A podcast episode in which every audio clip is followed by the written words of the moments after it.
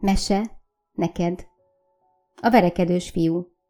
Lola egy nap meglepődve vette észre, hogy Tobi óvodai csoportjába jár egy Egon nevű fiú, aki nagyon verekedős. Egészen addig sosem tűnt fel neki ez a gyerek, de aznap sajnos kénytelen volt észrevenni. Egon ugyanis Tobival akart verekedni. Tobi nem csinált semmi rosszat, csupán nála volt az a játék, amit Egon meg akart szerezni. Nagyon dühös lett, mert Tobi nem adta neki oda azonnal. Kitépte a kezéből az autót, majd a földre lökte őt, és még a lábába is belerúgott. Tobi először meglepődött és sírni kezdett, mert nagyon fájt a lába, és a fenekét is megütötte. Aztán ő is égtelen haragra gerjedt, feltápászkodott és Egon után eredt. Elhatározta, hogy visszaadja neki a bántást. Már éppen emelte a lábát, hogy visszarúgjon, amikor Lola közbelépett. Maguk köré fújta a varázsbuborékot, és megragadta Tobit. Állj meg! kiáltott rá. Tudod, hogy nem szabad verekedni.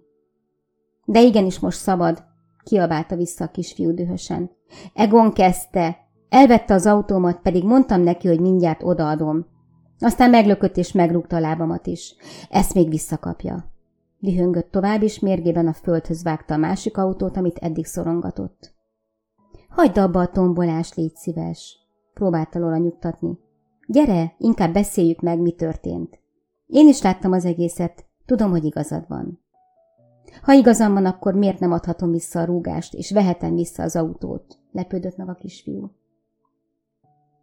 Attól még, hogy neked van igazad, nem kell ugyanolyan bután viselkedned, mint ahogy a másik gyerek tette. Vagy szerinted okosan és szépen viselkedett?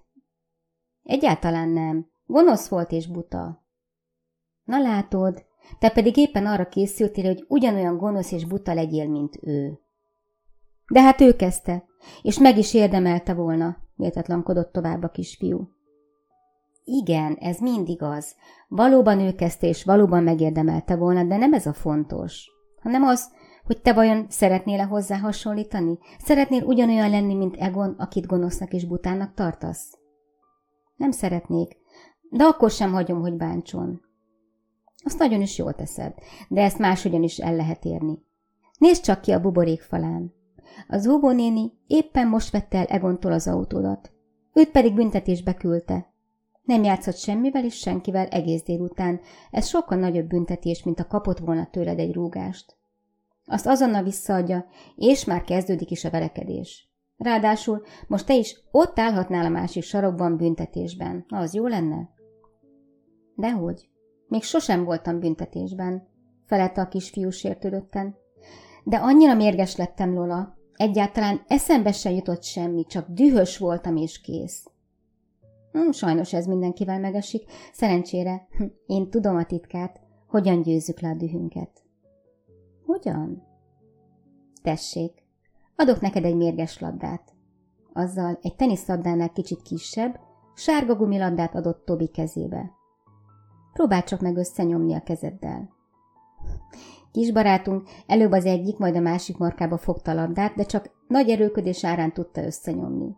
Egészen kifáradt, mire sikerült. Ez nagyon nehéz, nézett szemrehányóan a tündérre. Tudom, ezért való arra, hogy elijeszte a dühödet.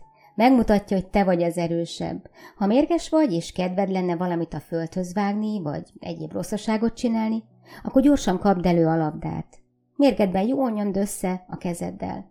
Ha jól esik, kiabálhatsz is egy nagyot. Nem kell sokat, egy-két teli torokból jövő kiáltás bőven megteszi. Ezzel kiadod a dühödet, és már el is szállt a probléma. Főleg, ha alkalmazott hozzá az előrelátás titkát is. Az meg micsoda? Hm, az, hogy mielőtt csinálsz valamit, megpróbálsz abba is belegondolni, hogy utána mi fog történni. Ez nem könnyű, főleg, ha mérges vagy. De ha arra gondolsz, hogy nem szeretnél olyan lenni, mint Egon, és arra is, hogy nem szeretnél büntetésben lenni, akkor talán sikerül megállítani a dühödet. Abba is érdemes belegondolni, hogy sem értelme verekedni és játékokat földhöz vágni, mert az kinek jó? Neked biztosan nem. Egon visszaüt, és az megint fájni fog. A játéknak sem jó, mert tönkre megy, vagy elveszi az óvónéni, és akkor nem játszhatsz vele többet. Ennek így semmi értelme. Csak még nagyobb bajt csinálnál, igaz? Mm, igen, Tényleg így van, látta be Tobi, hogy Lolának igaza van. Sokkal jobb így, hogy most te vagy az okosabb, ugye? Nagyon büszke vagyok rád. Adott egy puszit a kisfiú arcára. Na, hogy érzed? Elszállt már a mérged? Kipukaszthatjuk a buborékot? Igen, bólogatott a kisfiú, de közben a mérges labdát gondosan zsebre vágta. Már nem vagyok mérges, hanem örülök, hogy nem verekedtem. Ennek én is nagyon örülök.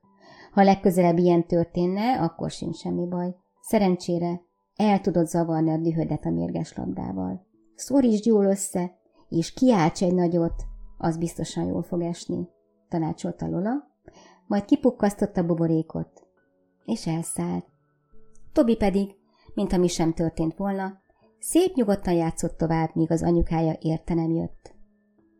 Biztosan ti is voltatok már dühösek, gyerekek.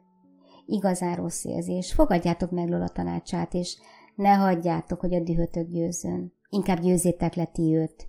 Kiáltsatok egy nagyot, és mutassátok meg, milyen erősek vagytok.